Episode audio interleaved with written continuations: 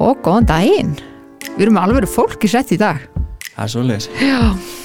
Herðu, þátturinn í dag, uh, ætlum við að nefna sponsið okkar eða? Herðu, við ætlum alveg að skera það. Er Það ekki? Jú. Viltu segja okkur, hver er að sponsa þáttinu? Herðu, við erum með spons frá Rekstrarvörum. Ok, og við ætlum þá væntalega að hvetja alla þá sem að eiga erindi í einhvers konar ekstravörur sem eru hvað, restingavörur og, hvað, Og, og allskynsvörur. og allskynsvörur Já. og þau, við, við ætlum að hvetja alla lustendur okkar til að, að Við vesla erum þar geggjör auðlisendur. Já, en meina, þetta, þetta er bara sleið uh, Mér finnst samt að við, sko, síðast þau tölum um rekstrarvörur, Já. þá tölum við um þetta líka fyrir alla sem var búin að skýta upp á bak, mástu? Það er svoleiðis Já, það vakti mikla lukku. Það, Já, já. Ó, ok. Það er orðið á gödunni. nú ok Já, ég Ok. okay. heirt það. alright Mm. En við mælum með því að allir fari í rekstrafur bæði þeir sem þurfa eitthvað rekstrafur og líka hinnir þú veist bara eins og ég skilur Já. ég veist alls konar sem ég þarf ekkert Nei, já, skilur já, meinar Já, þannig að ef að fólk langar að fara að taka upp á því að fara að vesla sér bara eitthvað sem Geðu- þarf ekki geða eitt ódýran closet papir Já. Þú veist að það bara mm. -hmm. rekstrafur Jips, eða eitthvað. Ok, gegja takk fyrir okkur Já, takk fyrir okkur. Herðu, í settið eru við komið með tvo einstaklingar, þetta er fyrsti þáttur þar sem að við uh, erum með fleiri en einn viðmælanda. Jep. og uh, ég er gríðalega gladur að taka mót ykkur. Uh, verið velkomin. Takk fyrir það. Takk. og ég ætla kannski bara, við ætlum að gera þetta kannski bara eins og með hefbundni sniði ég ætla bara að spurja ég ætla að byrja að, að byrja þig um að kynna þig og segja hver þú ert. Svo þegar þú hefur lokið þér af þá ætla ég að byrja þig um að gera. Ok, negla.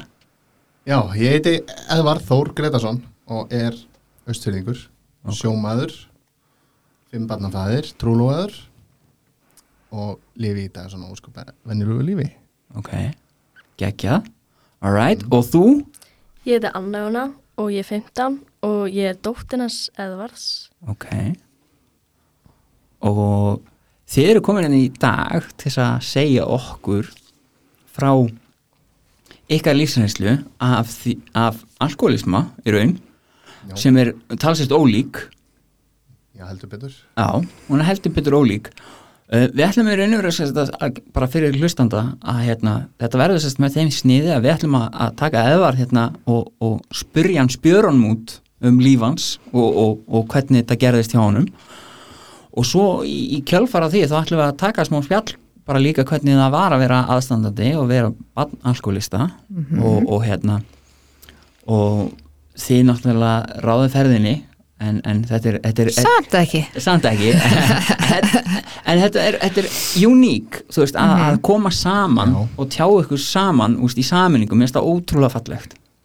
Já, hún, hún spurði mig einu sinni hvenær ég færi í þennan þátt og hann langaði til þess að heyra söguna mína. Ok, og ég sagði svona eiga hann að skrifa það í minni. Og, hérna, en sennilega myndi ég einhvern tíma að koma og spjalla við ykkur. kannski gaman að taka það fram að, að þetta er nú í stjórn það er von. Já. Það er víst. Já. Þess vegna segi ég bara rekstravörur vinna með þér. Ok Það er svo leis. já, En hérna, já, þetta sem sagt, uh, hún hefur aldrei, við höfum aldrei spjallað í rauninni neitt svona konkrít um, um það hvernig þetta allt saman byrjaði og hvað það var sem að var til þess að þetta endaði, sko. ok mm ok, við ætlum með þetta bara þú veist, að byrja að spyrja veist, og hvernig, veist, hvernig byrjar þitt líf, hvernig er þú alveg upp? Hver, veist, hver er þinn bakgrunnur veist, frá því að Eddi litli var lítill strákur? Sko, ég bara er alveg upp bara að mjög ástríkum fóreldrum og, og hérna, mamma mín var alveg indisleg kona og hérna, pappi minn er alveg indislegu maður og, og hann er skipstjóri og, og mamma mín var bara svona mest megnis heimavinnandi húsmóður og lokkuð sér skinin upp og hérna minn skorti aldrei neitt í mínu uppeldi ekki neitt sko, það var bara allt í, í lukkuna velstandi á mínu heimili og, hérna, pappi var mikið á sjónum og mamma hugsaði um heimilið af miklu myndaskap og, og hérna mér fannst alltaf þetta er svo fáránlegt að segja þetta sko bara ég var alltaf að spá í því hvað ytterljöðan var að gera í bíómyndum og svona og mér fannst þetta alltaf eitthvað spennandi sko þú veist Mhm. hvað hva, hva allir, hvernig allir þess fólki líði sko ef það gerir svona og hvernig allir þeim líði það gerir svona og, og þú veist ég var bara mjög ungur, bara unglingur sko þegar ég fór að hugsa um þetta sko, hvernig úrskopunum hvaða áhrif eitthvað hefði á fólk skilur mm. þannig að þetta, þetta er mjög skrítið hvernig eiginlega þessi sjúkdómur eiginlega bara svona negli mann í raun og veru ómeðvitað bara þegar maður er bann sko.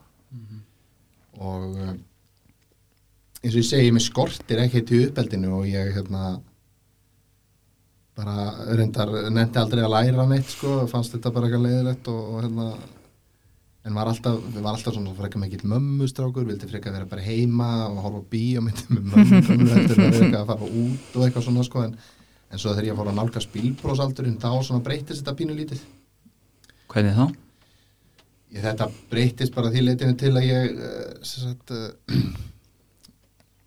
fór mikið að rúnda og, og hérna sagt eftir ég fekk bílbróið ég byrjaði að reykja og ég byrjaði að taka nettobak í nefið, þetta þótti mér allt rosalega skemmtilegt og, og með þess að gengur svo langt félagarnir að við byggum til línur úr, úr svona snuffi og sögumnar eru með röru upp í nefið að því okkur fannst þetta svo hryllilega kúl sko. 17 ára gamli, spáið í þessu þú veist, þetta er gali og eh, síðan gerist það að ég fer svona aðeins að drekka sko mjög seint sennilega bara um 17 ég prófaði það eitthvað pínu lítið þegar ég var 14 veist ekki þetta á þetta fílaði þetta ekki neitt sko. Mhm. og hérna gerði það svo ekkert aftur fyrir en ég var bara 17 ára 16, 17 ára cirka Mhm.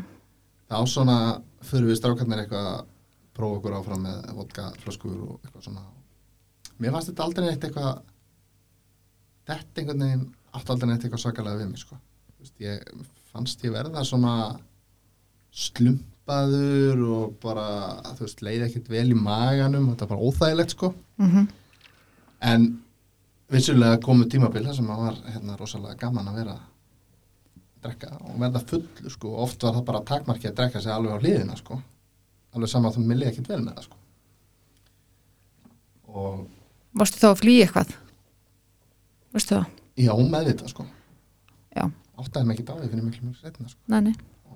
Mm og hérna fer síðan segi við mömmu að maður langar að flytja til Reykjavík ég nenni ekki að vera hérna það er allir að flytja suður og, og eitthvað svona og hún hefði bara já, já, þú getur að það. Er rosalega góður strákur, drakk sjaldan og, og bara svona já, freka mikill lúði ef við getum sagt það svo leið sko. Mm og flytt til Reykjavíkur þegar ég er sennilega 19 ára eða 20 eitthvað svoleiðis. og það er ábyggilega áramóti 99-2000 sem að ég prófaði fyrsta skipti eitthvað sko. þá spyr ég náinn ættingja minn sem að ég ætla ekki að láta nafnsis geti hérna hvort að hann geti ekki redda mér einhverju sko. bara að mér langi að prófa eitthvað nýtt hann, jú, ekki Já, bara eitthvað. Bara bring it. Já, það var alveg sama hvað það var sko. Já. hvort það sem var hérna, amfetamin eða kókain mm Mhm. byrja sem þetta kókain sko. Mhm. og það bara svona ég bara svona vá, Mm. er lífið svona æðislegt? Það svona getur lífið verið svona æðislegt? Þú veist, ég var bara alveg með þetta þú veist, ég vissi allt og og í speil og bara mm. þú veist, þá var ég með hár það var greitt og, og þú veist, það láið þegar ég skrúpaði tennurnar á mig með matasóta sko. Það var svo ógeðslega mikið píkar. En hérna en sagt, þetta er sem sagt bara upphafið sko. Og síðan fatta ég það rosalega fljótt að, að hérna, kókain er rosalega dýrt. Mhm. og, og ég segi það við þannig nána ættingja minn sko að mér finnst þetta bara alltaf dýrt og svona, já, bara það er betra, það er ódýrt virka lengur og svona. Mm. já, ok, segi ég og, og hérna við prófum það bara. Og, og það var bara í rauninni bara ennþá meira meira í svona dílbreykar einhvern veginn þá gæti vaka ógeðslega lengi og þurfti ekki að vera spáðið að borða og, og þú veist, það var alltaf einhvern veginn svona þú veist, þú getur ímyndað í ljósaperu sem að skín kannski á 40 vöttum sko, það var hún alltaf í náttúrulega 80 vött og bara pff, allt tónlist geggjuð allir bílar, úkslega gott að keira og allt þetta. Styrlunum að hugsa tilbaka. Og, og þú veist, og ég var besti gítarleikar í heimi sko, þú veist, ég stóð bara í þeirri minn. Það var enginn sem var eins bet- góður gítarleikar og ég sko, ég gæti spila allt. Náttúrulega bara miklaði það fyrir mér eins og allt annað sko. En þetta sem sagt er svona, ég er sem sagt bara í þessu amfetamin flippi bara í einhver tvö ár. Mm. þá til að pappi minn hann bara, hann fyrir að átta sig á því að það er eitthvað ekki alveg í lagi. Mhm. Segja við mig hérna, það er ekki best að þú komur bara austur og og sjóum með mér? Og hérna, og ég búið hjá mér og, og, og svona, hérna, jú, jú, og eitthvað svona, alveg, var hann svolítið svona mikið flag á þessum tíma, sko, ég var búin að ég tók þess að mér hratt, sko, þetta tímabil. Mhm. svo þess að við, ég sest upp í einhvern ógæslega gamlan Daihatsu CR8 sem ég átti, sko. Hendi allir draslinu minni og keiri austur inn á nóttina og fyrir á sjóun Töffarinn sem þú varst. Ha, Töffarinn sem þú varst. svaðalegu töffari, sko. Já, já. Alveg búin að gjörsanlega bara á mjög stötnum tíma búin að rústa öllu sko. Mhm. og þegar ég er búin að þegar ég kem þarna austur þú veist, þá fer ég bara á sjóun og það gengur mjög vel og ég er ekkert, þú veist, það er á þessum tíma var ekkert mikið um veitulið fyrir austan þannig að ég fór að drekka svolítið. Og drekka svolítið og kynnist fyrir konunum minni. Mhm. og eignast með henni bann bara frekar fljótlega í sambandinu Mhm. uh, það er fyrir 18 árum síðan cirka bát núna í desember Mhm. og, og hérna og við giftum okkur og, og, og eignum svo annar bann Mhm.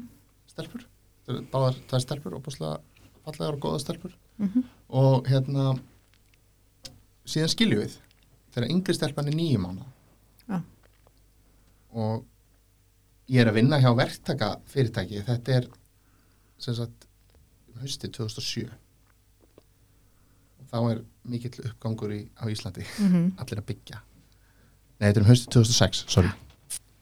Allir að byggja og, allt í blúsandi blóma og ég var að vinna fyrir ver, verktaka fyrirtæki fyrir austan og þeir fengi eitthvað verk fyrir sunnan og, og ég er hérna nýskilin við, við fyrir konuna mína og ég slæði bara til hans að yfir maður minn spyr hvað ég er sikið til ég að koma söður og keira veru bíl hjá þeim og, og hérna bara vinna okkur og ég ekkert má segja og, veist, ég valla stíin út úr flugvölinni þá allt í hennu myndið það hvað spýtið var aðeinslegt sko. Mm. Og hérna Bara komin í borg óttans og þá myndir Já, það bara eiginlega um leið sko. þá var ég bara komin aftur, þú veist, þá var ég þú veist, hugsuninu verið ábyggilega verið á þeim tíma já, nú er ég bara að lausa hana og Mhm. hún er bara með börnin og þú veist, er, þetta er svona típisk hugsun alkoholista Mhm.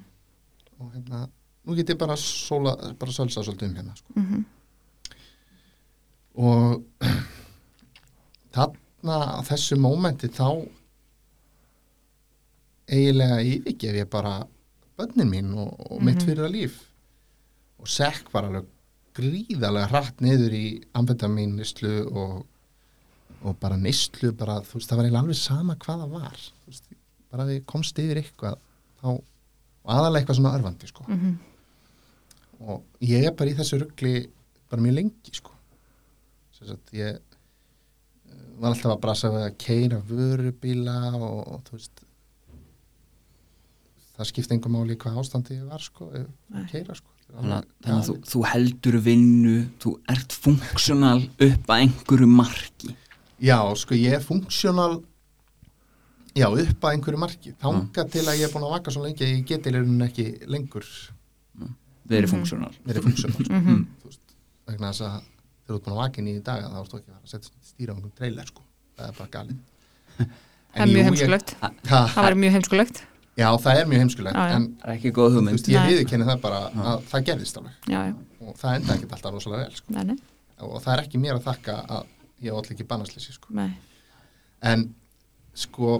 Málið er að funksjónal segiru ég þurfti alveg nokkur sem að skipta um vinnu vegna þess að mm. mönnum fannst ég bara vera eitthvað skríti Mhm. þannig að alveg hugum upp að ég var ekkert alveg í lægi Mhm. og svo kemur þarna tímabil þar sem ég kynnist annari stelpu og, og þetta hættir í smá tíma og byrjar svo aftur einhvern tíman inn í þessu sambandi þar sem ég fer að vera rosalega mikill bara típiskur alki fer að lifa tvöföldur líf Mhm. í rauninni sko og hérna ég fer á sjó þarna á þessum tíma á skipi sem að ég ætla ekki að láta nafnir skiti heldur en allavega þá þú veist, við gerum rosalega góða hluti, það voru mikla tekjur, mikla peningar og, og þetta var bara svona galinn tími, þú veist, það var rétt fyrir hrun og eitthvað, mm -hmm. í hruninu. Og ég svona meika þetta ekki rosalega lengi vegna þess að ég þurfti alltaf að vera svona eitthvað djamma henn á milli, sko, Mhm. og landa, þú veist, fyrir norðan, fór í löndun söður til þess að taka smá djam og fara aftur Mhm. Svo náttúrulega endanum þá bara áttar þessi stelpa sig á því að ég er ekkit að lifa einföldu lífi og, og, og, og við hættum bara saman og, og Mhm. þá fer ég að hafa svona aðeins meira samband við dætu mínar ok. og samt ekki ekkit mikið. Það er orðna hvað gamlar þá? Þá eru þær þær eru ábyggilega alveg 6 og 9 ára eitthvað svo leis Já. þú segja annars er þetta svona smá algleimi þetta tími Mhm. en ég, eins og ég segi, þú veist, hún hættir þetta með mér og þú veist, þetta náttúrulega gengur ekkert upp og ég bara, þá sekki eiginlega dýpra og dýpra og dýpra Mhm. Og komin út í kannabis og læknadóp og amfetaminið og skuldir og, Mhm. og bara algjör, algjör trugl sko. síðan ákveði ég þarna á einhverjum tíma að flytja bara austur það er 2013 þá ætlaði ég að gera þetta sama og ég hefði gert þarna í fyrraskipti, flyt, Mm. flytja austur með skottið milli lappan og held að ég verið safe þar Já. En ég var ekkert safe þar árið 2013 og allt flæðandi í fíknefnum á Östurlandi, Mhm. ekkert mál Og þú tókst hausinaði með þér og allt bara. ég tók hausinn, já, já, hann, hann kom með já. og hérna ég fekk að búa hjá pappa allavega einhver tíma sko og hann er mitt saðið við mig eftir, að, eftir ég varði þetta og heldur ég hef ekki vita hvað það að gera var það göngutúrana þá var ég að fara að fá mig smók sko en sem sagt já þetta er 2013 og, og ég sekk rosalega djúft þarna á þessum tíma og, og mikið, þetta verður mikið svona mikið eimd og mikið volæði og, og þú veist þetta hættir eiginlega að vera gaman þarna, sko. Mhm. og þetta fyrir eiginlega bara að vera erfitt og það koma tímar þar sem ég náði ekki að að redda mér efnum sko og þá var náttúrulega bara lífið umulegt sko Mhm. tókstu það bara út frá hverf og bara svo leiðis eða Já, ég varð að gera það og, og, og svo stundum kannski á 11 stundu rettaðist þetta sko. Mhm. og oft uh, rettaðist þetta bara með því að ég fekk eitthvað eitthvað róandi og eitthvað svona sko sem að og brutti það bara alveg þangað til að ég lendi í svona einhverju blackouti sko. Og hérna svo er þetta náttúrulega þetta er bara orðin einhver eimt og, og volæði og, og í raun og veru á einu tímapunkti þá gefst ég eiginlega upp sko og allt einhvern veginn byrtist mér fyrir husk og sjónum og ég fatta það bara þannig allt í einu ég fer svona einhvern veginn að leggja allt saman og hugsa þá síðan ég bara aftur í badnæsku hvernig lífið hafði farið með mig sko Mhm. þá að þegar ég er badn þá lendi ég í, í áfalli sem að ég hafði bara lokað á sem badn sko Ok. Og þetta opnast allt fyrir mig þarna og ég ákveð þá í svona framhaldinu því að prófa ringin og vók og þetta okkur þeir getur nokkuð að hjálpa mér sko Mm. og jú, þeir gáttu það svo sannlega þannig að ég fer inn á vók 25. ágúst 2014 Ok. uh, ég var ekki etru þegar ég fór inn á vók Nei. taka það bara ég var alveg út á túnni sko og hérna ég var þar í tíu daga nei, 11 daga mm Mhm. manna ekki alveg allavega og fer svo bara austur og lendir strax inn í svona þegar ég er búinn sko, ég fór ekki eftir meðferð Ok. uh, ég ætla ekki að segja að það hafi endilega gert mig gott að hafa ekki farið eftir meðferð Mhm. vegna þess að það er bara nýlega sem að ég náði svona ákveðni ró í, í sáluna sko. Ok. og ég fer í þessa meðferðana og ég kem austur aftur og fæ strax svona stuðningsnett Mhm. þú veist, það vissi allir veist, lítið fæði fyrir að vissi allir hvert ég var að fara Mhm. fór í langa tíma og svona og ég fer bara að sækja fundi bara hverju einustu viku, jafnvel tvisari viku Mhm. og þannig held ég þessu alveg bara bara nánast bara þá til dagsins í dag. Ok. nema það í millitíðinni þá þú veist ég er búin að þurfa að sko lifa alls konar áskoranir á etrutíman ég er búin að vera etru í rún sjö ár núna. Mhm. vel gert. Takk fyrir það. Og ég hef búin að upplifa alveg hræðilega hluti sko Já. á þessum sjö árum. Mhm. þegar ég er búin að vera etru í tvö ár þá deyr mamma mín mjög skyndilega. Ok, bara eins og bara svona, samryggist takk fyrir það og hún hafði bara átt mjög erfitt og, og hérna var bara veik og dó bara allt í einu Mhm. og það er alveg rosalega erfitt að vera búin að vera etru í svona stuttan tíma Mhm. og fá þetta bara allt í einu yfir sig eins og Mhm. kalda vaskussu sko. en ég held mér samt etru í gegnum þetta það hlýtur að hafa verið áskorun það var mjög mikil áskorun ég fekk sko þarna á þessum tíma þá fæ ég sko upp að skrifa eitthvað róandi Mhm. að lækni og ég finn það bara strax að ég verði bara að leggja það til hliðar vegna að ég var, hefði ekki getað sko, ég hefði getað mistökin algjörlega Mhm. sko en það gerist ekki sem betur ég stoppaði áður en ég náði að, að falla alveg sko Mhm. og ég hef alltaf hugsað þetta þannig að, að hérna þarna þegar ég fattaði þetta þá lærði ég það að ég er veikur Mhm. og ég get ekki tekið neitt sterkara heldur en Panadol Mhm. í rauninni sko Mhm.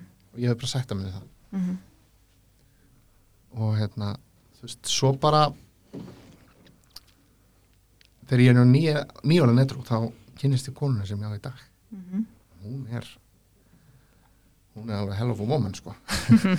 Hún sem sagt hérna, er búin að fylgja mér hún kynnist mér þegar ég er endænislu og sem sagt ég held hún hafi ekkit viljað mig sko fyrir en ég var á netrú en við allavega spjöllum mikið saman og kynntumst vel og svona og það er sagt, ég verið eitthvað í águst og fyrsta oktober uh, 2014 þá eiginlega svona ákveðu við það að við séum um kærustu bara sko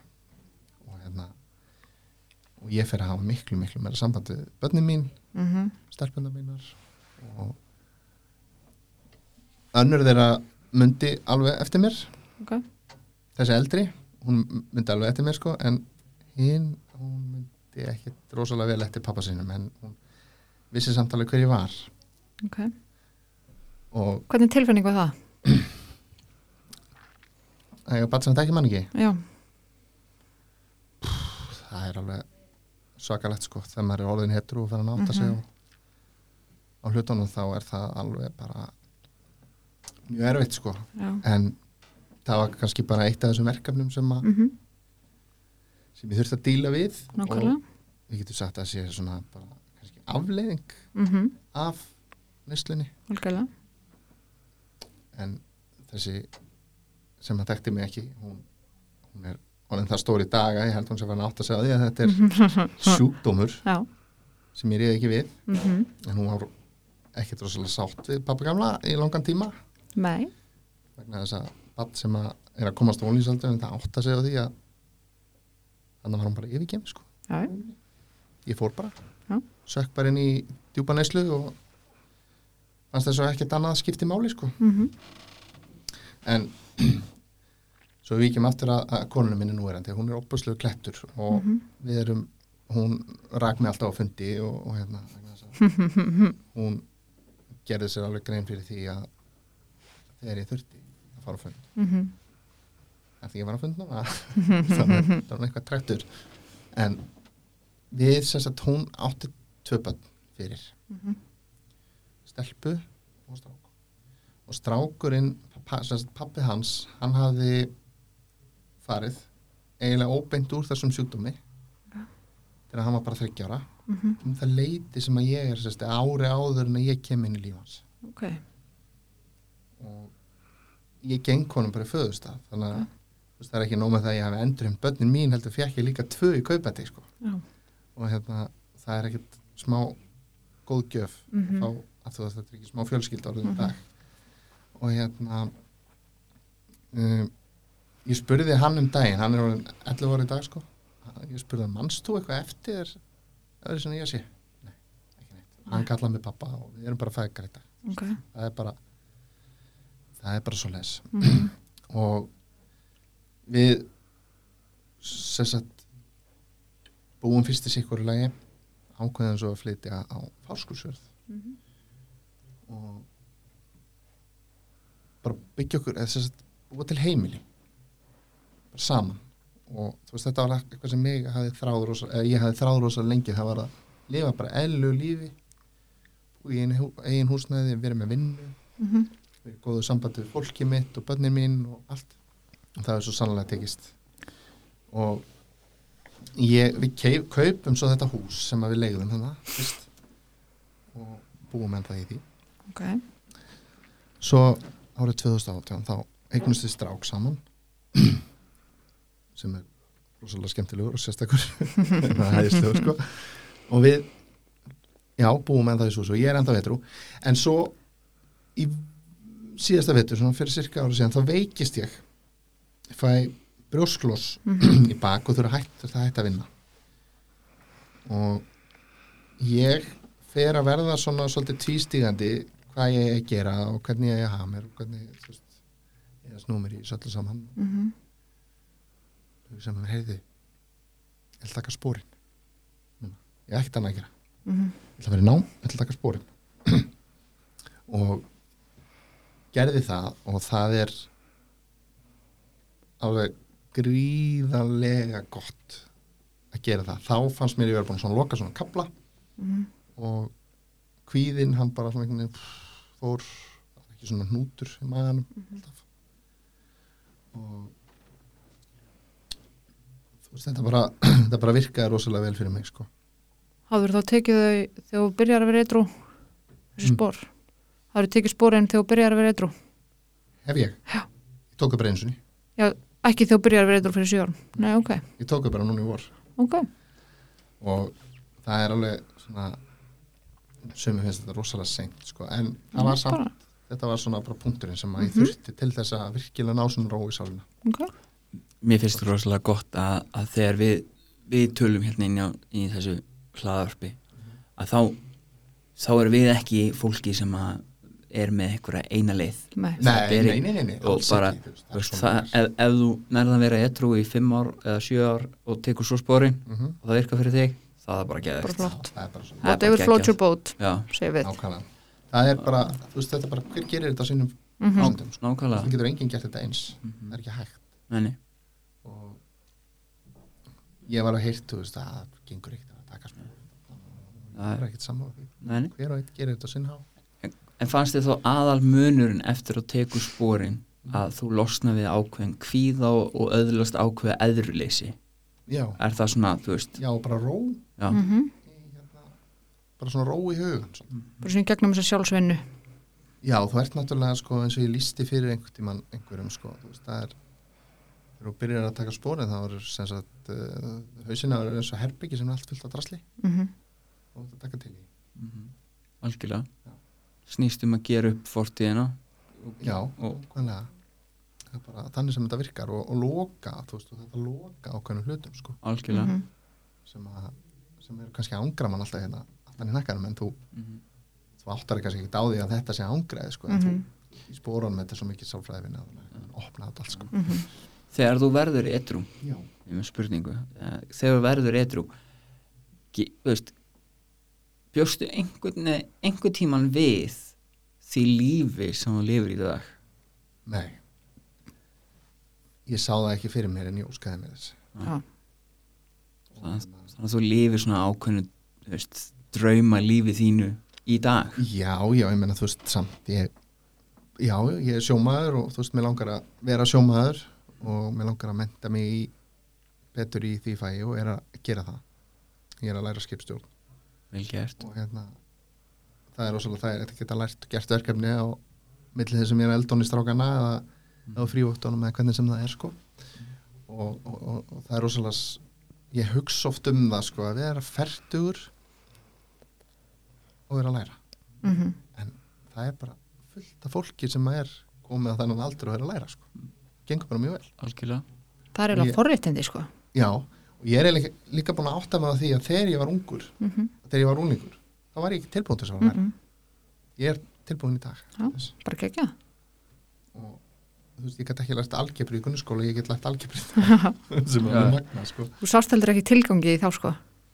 Nei, mér fannst þetta algjörlega bara tilka vers sko, að vera að læra þetta. En er það ekki líka vegna þess að þú hefur öðlast ákveðna ró og bara, þú veist, með ronni e, kem, kemur getan mm -hmm. Jú, algjörlega, hún gerir það og, og hérna, bara líka þetta sjálfströst sem ég talaði um að ég held að ég hefði fengið Mhm. með efnunum sko Já. ég er með miklu betra sjálfströst í dag heldur en í raun og verið hafið þá Mhm. Algjörlega og ég treysti sjálfur mér alveg til þess að klára þetta ná Mhm. ég ætla að gera það sko þó ég verið 45 ára þegar ég klára það en ég ætla samt að gera það Já.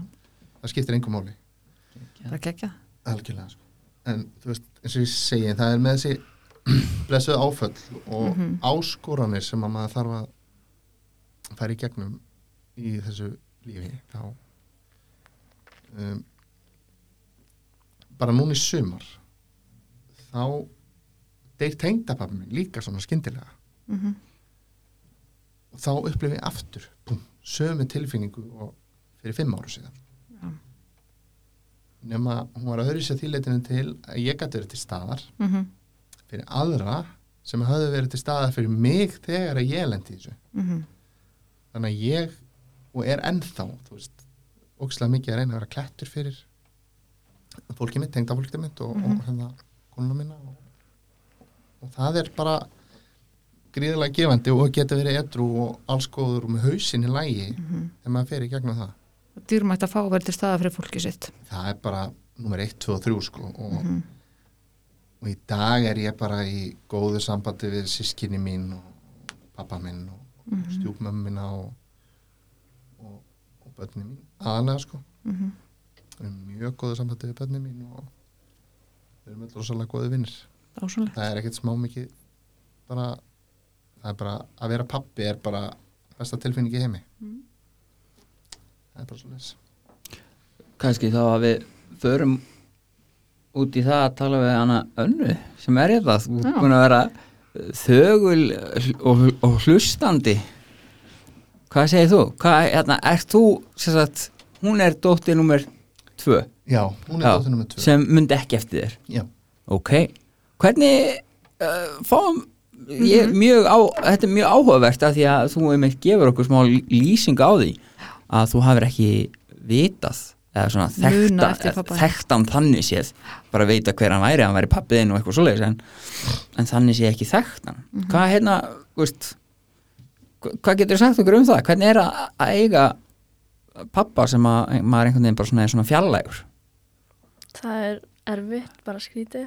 Já. -hmm. Það var sko, ég var nýju mánuð þegar að hann og mamma skildu. Já.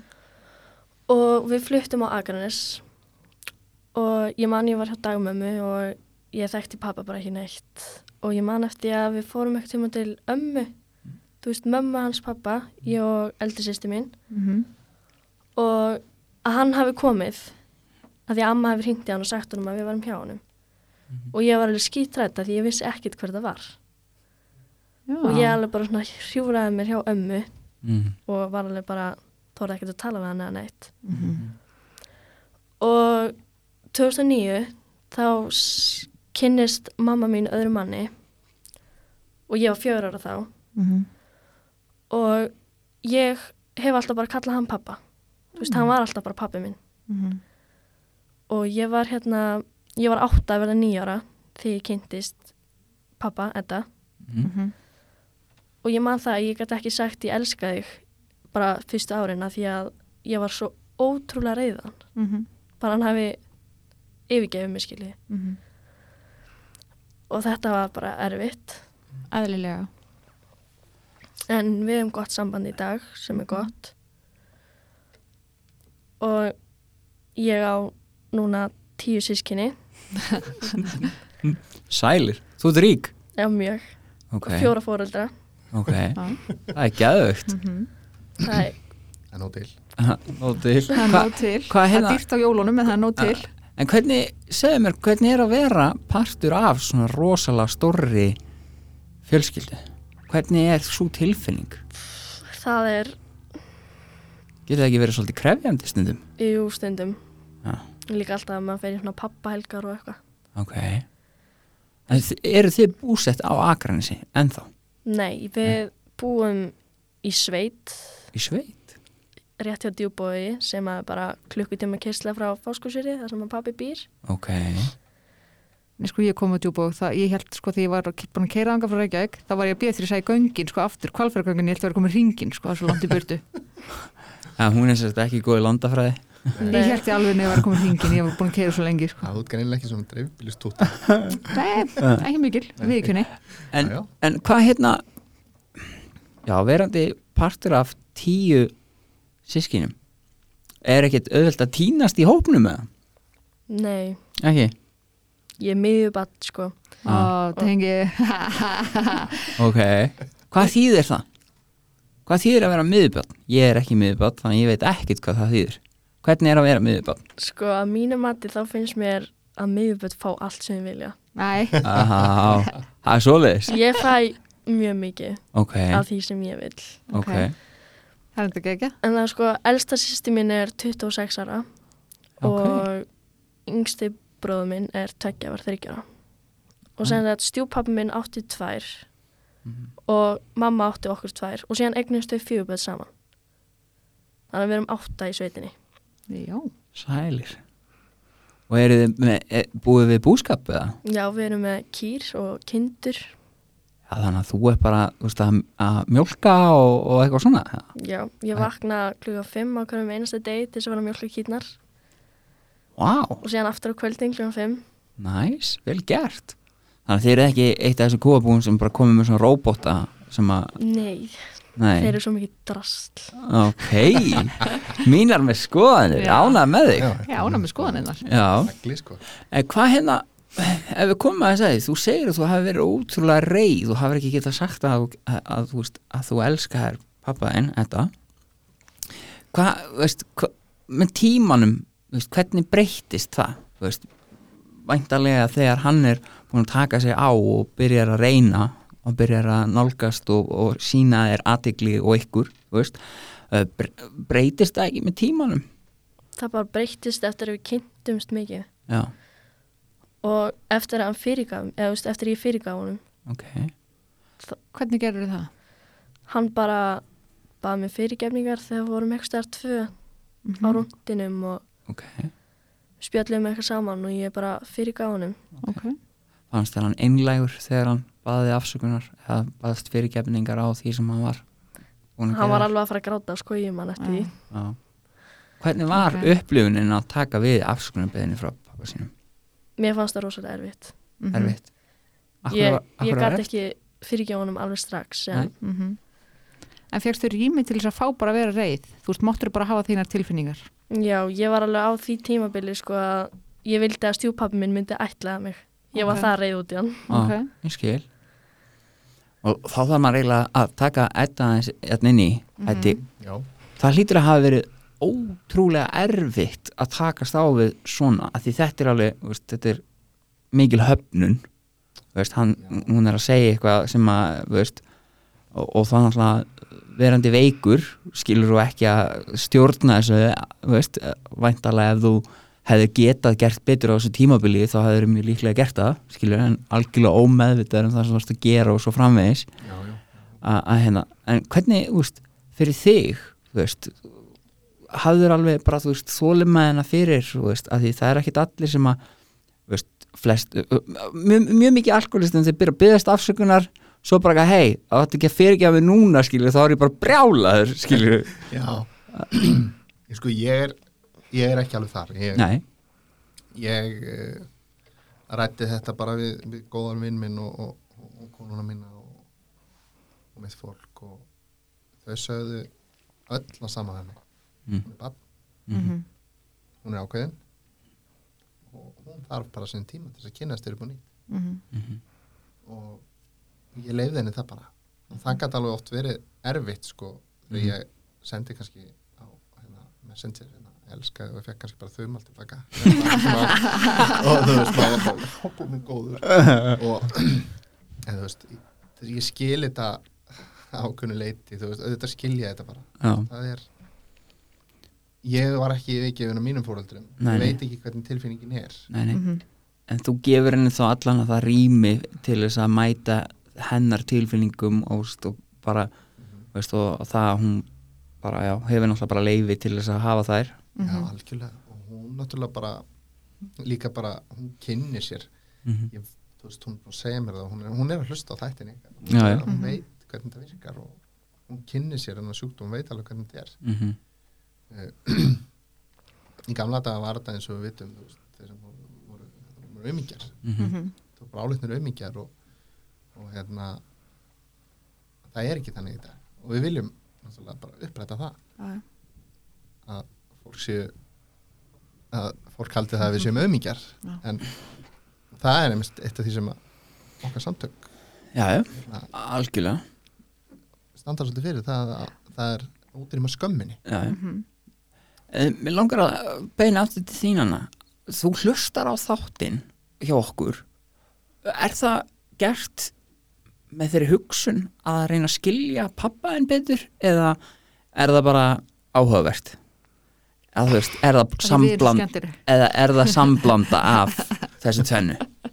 bara bæði sko Mm þú veist ég hef náttúrulega alveg áhuga á þessu og vill alveg vita hvernig svona fólki líður og er, hvað það er að upplega fattið mig Mhm.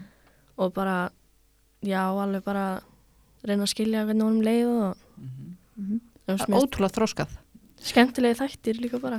Já, þetta, takk fyrir það. En það er náttúrulega rosalega gaman samt að heyra að, að hérna, þessi 15 ára stúlka sem að hlustar á þættina og, og, og er að öðlast betri skilning á hvernig þetta er og hvernig fólk þróast og hvernig veist, fólk verður svolítið svona yfirtekið af fíkninni Mhm. og það er ekki að hugsa um afleðingar veist, það er ekki að hugsa, já, ef ég gerir þetta þá hérna, særi ég hérna bönni mín, veist, það er ekki, Mhm. það er engin svoleiðis hugsun, það er bara eitthvað, að ég þarf að fá mér hérna næsta skam, hvað þarf ég að gera fyrir það Mhm. veist, hve- hvernig græði money fyrir næsta, veist, það er eina hugsun það er ekki bara, já, ef ég fæ mér næsta skamt þá verður mamma mín reið pa- pabbi minn. Já, ég ætti kannski ekki að gera þetta. Mhm. það er ekkit svoleiðis. Það var enginn í neyslu sko. Nei, líklega ekki. En það er ótrúlega gaman samt að Mhm. fá manneski hérna í stúdíóð og bara veist, fá að heyra að þetta sé virkilega að hjálpa. En mér langar Hefur einhvern tíman, sorry. Mm. Hefur einhvern tíman verið hrætt við að þú fáur hann sjúkdóm nei, ég er alveg först af því að ég ætla ekki að koma nálægt þessu Ok ég mun ánægð. örgulega að drekka eitthvað þannig en ég ætla ekki að koma nálægt fíknefnum Ok okay. af því að ég vil fá að kenna börnunum mínum að hjóla og Já. sparki bolta og eitthvað svoleiðis Mhm. pappi mist alveg að því Já. þannig að ég er að passa mig svolítið Mhm.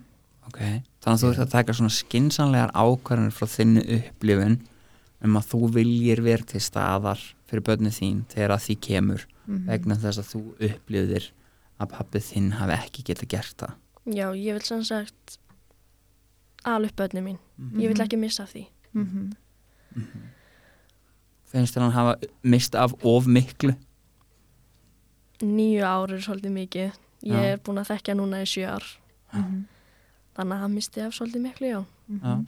En nóg eftir samt já, Þú getur, þú getur verið pyrrandi í mjög mörg ár sko. Hún er aldrei pinnandi sko. Aha. Eh, Ætti, hvernig mér, mér, það er svo skemmtilegt að vera með svona tvo þetta er en en að e, hvernig veist, hvernig er samt að sitja hérna veist, og heyra veist, já, bara pabbi mér mista nýju árum bara já, það er svo, svolítið mikið þetta hlýtur að vera bara þú veist, bara já, held ég bara þetta að knúsa hana meira já, akkurat og svoleiðis ég hérna ég er svo sem náttúrulega alveg meðvitaður um þetta og hérna, já, ég vissi það alveg að, að hún myndi kannski segja eitthvað sem að er svona kannski erfitt fyrir mig að heyra en Mhm. ég er bara gott að það sko já, og það er kannski gaman að segja frá því líka hún er í raun og verið að heyra mína sögu bara í fyrsta skipti hérna. Já. núna. þá kannski vistu þú út að segja þetta þá kannski bara spyrja Anna, hvernig finnst þér að heyra söguna? ég fekk lóksins að heyra hana sem er bara ágætt já, Mhm. en ég veit ekki, þetta er bara Ég En veit öðru sem þú bjóst við? mm, Nei, ég var alveg búin að hugsa mér þetta svona Ok. En þegar maður prófar þá kannski bara þegar maður prófar fíknefni þá kannski bara kemst maður ekkert úr þeim og já, Mhm. eins og ég heyrði núna þá bara já, Það, Það er- bara það- geringur. já það er nefnilega, eh, kannski bara segja, þú veist, bara svo það sé sagt að alkoholistar upp til hópa fá huglega þráhyggju og það er svona eins og fólk sem þarf að vera með allt beint á borðinu. Annars verður þetta bara ég verð að laga þetta stöf skilur þú veist, það, það á að vera þannig eða allir skotnir eiga að vera svona. Þeir eiga að vera uppræðir skilur, svona alls konar hluti sem að fólk fær svona, veist, það, svona það verður að vera einhvern veginn. Fíknefna að fólk sem að neytir áfengis og fíknefna eða vímuefna að, að þeir sem að fá þess, þessa huglega þráhyggju eru oftast þeir sem þróa með þessi fíkn og, og, og þannig þegar fólk fær bara svona eitthvað á heilan og það bara losnar ekki við það. Og bara svo það sé getið þú veist að því það er í raun og veru upplifunin og mjög mikið af fólki sem að prófar í fyrsta skipti þótt að það hafi ekki verið hjá þetta að þá er mjög mikið af fólki sem talar um bara þú veist að heimnarnir hafi opnast og það hafi bara þú veist eitthvað svona moment skilur og, og það bara já, ég ætla að gera þetta aftur og aftur og aftur og aftur. Og það, og það hættir að hugsa um hvernig er ég að særa? Hvað er ég að skemma? Hvað eru afleðingarnar veist, það bara hættir þessu af því að það nær bara að fókusera á þetta eina að upplifa þetta moment sem það upplifið þetta einu sinni aftur. Og svo bara repeatar það þetta þangað til að vakna til meðvitundar um það að það hafi gjössalega stúta lífi sínu veist, fjárhagnum sínum eða whatever, þú veist, það er bara mjög mismöndi hvar fólk leggur línuna, sömur andlegt þrótt sömur fjár, fjár, fjármála er- erðuleikar, get ekki fjármagnað og svo framvegis. En, já, maður var alltaf að leita að þessu fyrsta rössinu sem maður fekk já, Mhm. það kom aldrei aftur, nei, það er bara þetta eina skipti. Já, já. Mhm. algjörlega. Þannig að hugsa um að prófa þetta allar en að ná einhverju rössi það gerist bara einu sinni, sleftu því bara það er bara svo leis og svo er það líka bara, þú veist eins og þegar maður hefur upplifað það þú veist, þegar þú hefur upplifað líf veist, þar sem þú ert að uh, veist, dópamin losun í, í kerfinniðinu er 900 og, eitthvað þúsund falt það sem það er eðlilegt og þá náttúrulega gefur auðvitað að venjulegt líf verður frekar boring algjörlega, af því að þú ert ekki með veist, það er ekkert dópamin í samanburði við það að vera undir ríkalugu ástandi af, af neyslu vímefna já, ég mani mitt eftir þessu að fyrsta skipt sem ég kom niður já, það var alveg hræðilegt sko. akkurat. Alveg hræðilegt bara, þú veist, bara lífi virkilega svona umulegt Já. En svo í dag er bara og lífið er bara einslegt eins og það er. Mhm. af því, að, af, því að, af því að þú ert búin að gera þá hluti sem þarf að gera til svona stöðuleika og, og þar að leiðandi ekki þú veist, þetta er bara eins og fólk sem drekkur ókslega mikið orkudrykkjum. Ef þú drekkur 20 nokk á einu degi þá verður bara super hyper en hvernig ertu daginn eftir? Þú veist, þú er ekki góð daginn eftir sko. Það er bara, þið líður ömulega ef þú drekkur ómikið af þeim að þá færðu Já. það sem kallar bara frákvörf já, já, já, nákvæmlega. Það er nú eitt af því sem að þú veist, það er alltaf að tala um að einn fíknin færi yfir aðra sko. já, mm. ég verð alltaf að eiga kollab já, já, akkurat. Og, hérna, og ég er rosalega mikill nikotínfíkil já, ég nota veip og, og nota líka púða veist, Mhm. það er bara- bara ekki klikkun en að, ég veit ekki. Ég, ég er ekkert að gera neitt annað. Nei. Nei, og ég meina sem eru kannski með minni skadlegu hérna, fíknum Mhm. algjörlega þannig að það er frekar jákvæmt eh, Vilt þú kannski bara henda í þína spurningu? Ja? Hann var eiginlega svarinni. Já, ég veit að Var ég að svarinu? Já, kannski Spurðu. Ég, ég spyr alltaf hvort að fólk hafi fært fíknunar sín yfir í eitthvað annað. já, það er, ég færði hana uh, yfir í orkudrykki og, og nikotín Og nikotín. já, En var hann kannski líka í nikotínu fyrir? Já, Áður já. en hún var stedrú. já, já, já, algjörlega sko ég byrjaði að reykja bara þegar ég var 17 sko Mm og hætti svo að reykja 5 árum -hmm. sigaretur þannig að ég var búin að vera edru frá öllu hinu í tvö ár þegar ég hætti að reykja Ok. hætti að reykja sama ára mamma mín dó sem er svolítið magna mm. ég ætla sko ekki að gera það en ég prófaði að veipa mér finnst það bara fínt en ég þetta er bara ekki Já. en ég sé ekkert eftir því En hvernig með þig hana? Þú ert ekki að taka upp á hérna, stórnislu og orkudrykkjum og nikotíni Nei, mamma mín segir ég ekki verið að drekka þetta en ég drekk orkudrykkjala þegar ég er hjá pappa mínum. En sko ég er hérna ég er addicted í hérna Mountain Dew. Mountain Dew? Ég drekk það bara eins og Það ég er svo að borga fyrir það. uppþáttalegur og bræðið Nei, það er geður gott, ég elska það. Það eru smakkað uppþóttalega Já, Tinna er alltaf í uppþáttalögunum sko. en ég verð að koma því að hérna, ég er ekki upphefið sjálf mig en eitt með þessu. En hérna, hún náttúrulega eignast þarna stjúpapa mhm, sem er hann er eldri en ég, mhm, tölvert eldri og eldri en mammenar mhm. Uh, hann tekur henni náttúrulega bara opbúslega vel og ég er búin að segja bæði henni og systurina það ég er henn, honum mjög þakklatur mhm, í dag fyrir að hafa alveg upp bönni mín. Já, Já. þegar ég var ekkert í staðar sko. mhm, og hérna ég þekki hann ekkert mikið þú veist, bara við erum alveg málkunnir og, og svona Mhm. og, en þú veist, ég er samt mjög þakklátur sko, langar alveg að segja hún að þetta er eigin persónu. Ég veit ekkert hvort hann hlustar á podcast en Hann er alltaf slegna Hann alltaf að fara að hlusta á þetta podcast. Já, er, sko. já, ég skal segja hann um að hlusta á þetta.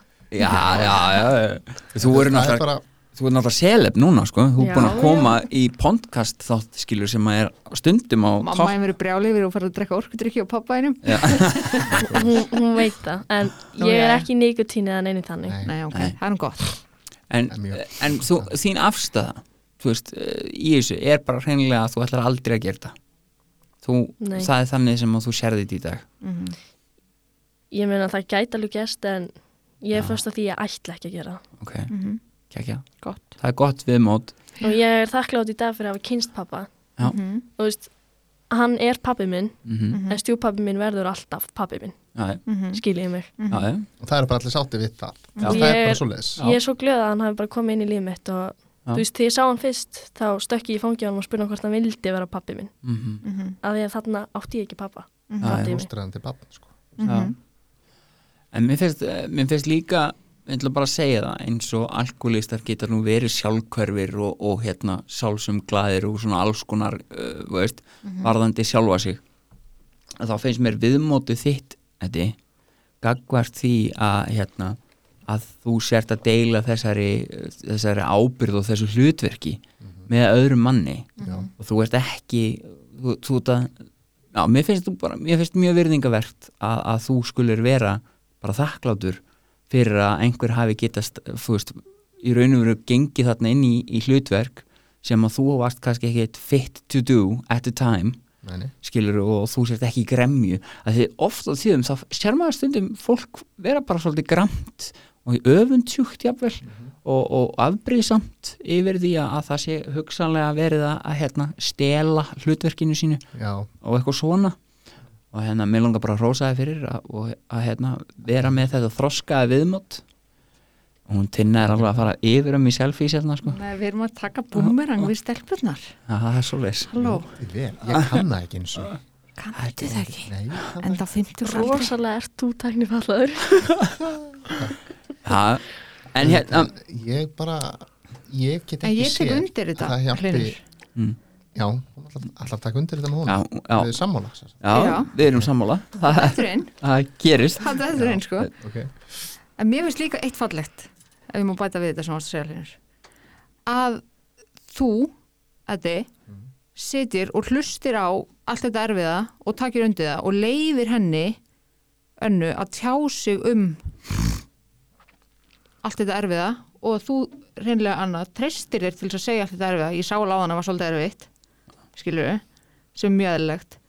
En að þú treystir þér til að segja þetta allt saman fyrir fram að pappa þinn finnst mér magnað sko, af því ég, ég myndi ekki treysta til að segja þetta fram að pappa minn sko ég, ég, þú veist, bara fólk sem segir eitthvað leðilegt um mig, það, ég svara því bara his, hispuslaust, leðilega já, já, ég er ekki svona æðrulaus og, og, og, og hérna, ég já. er bara í þessu til ég hef enga rétt að því að- að það er samt eitt sem ég langar að segja já, á tímabili Já. þá var hann drullusokkur í mínum já, já.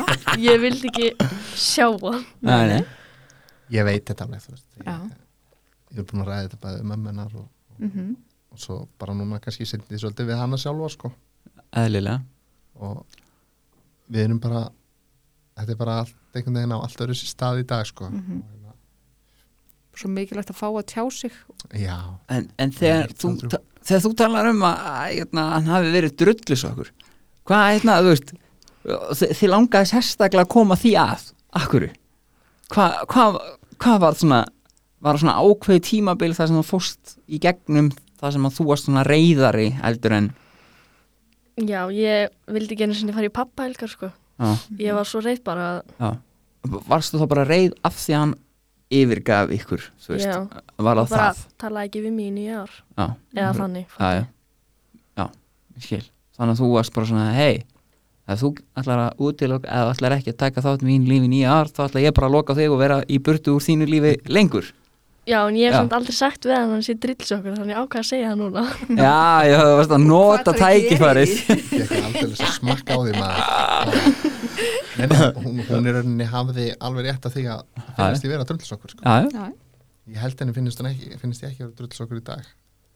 Nú, ma nú, máttu, nú máttu segja eitthvað fallegt líka Nei. hún gerir það, sko, alveg reglulega. En þetta er hérna mamma sagði alltaf um mig að passa mig á því að vera ekki Já. Þú veist, mamma mín talaði aldrei íllum hann en eitt þannig. Nei, nei, nei, En hún sagði mig að ég ætti að passa mig. Já, Þannig að ég gerði það alveg. Já, passaði á hverju?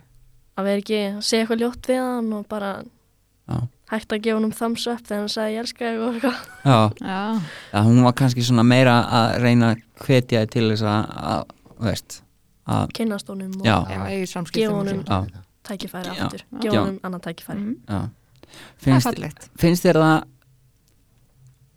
í dag þegar þú horfið tilbaka ertu ánað að hafa gefunum annan tækifæri? Já. Já. Ég er mjög ánað með það. Ok, Það var bara gott fyrir mig líka en er ennþá bara dreipast úr reyði við hann sko. Já. Mhm. Hvernig er að vera svona reið? Það hlýtur að hafa verið erfitt. Það var rosa erfitt. Ég, ég hef gengið í gegnum mjög erfitt í gegnum æfina Ok, Til dæmis ég horfði upp á 11 ára frænda minn degja heima hjá mér og eitthvað svo leiðis ok. Þannig að ég leiði mér alveg að vera reið og þann það var alveg erfitt. Ok. Ég skil, samhryggist þér. Takk.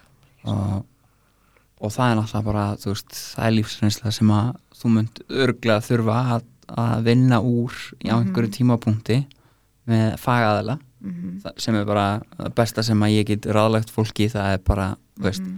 Að fara í gegnum áföllin sín.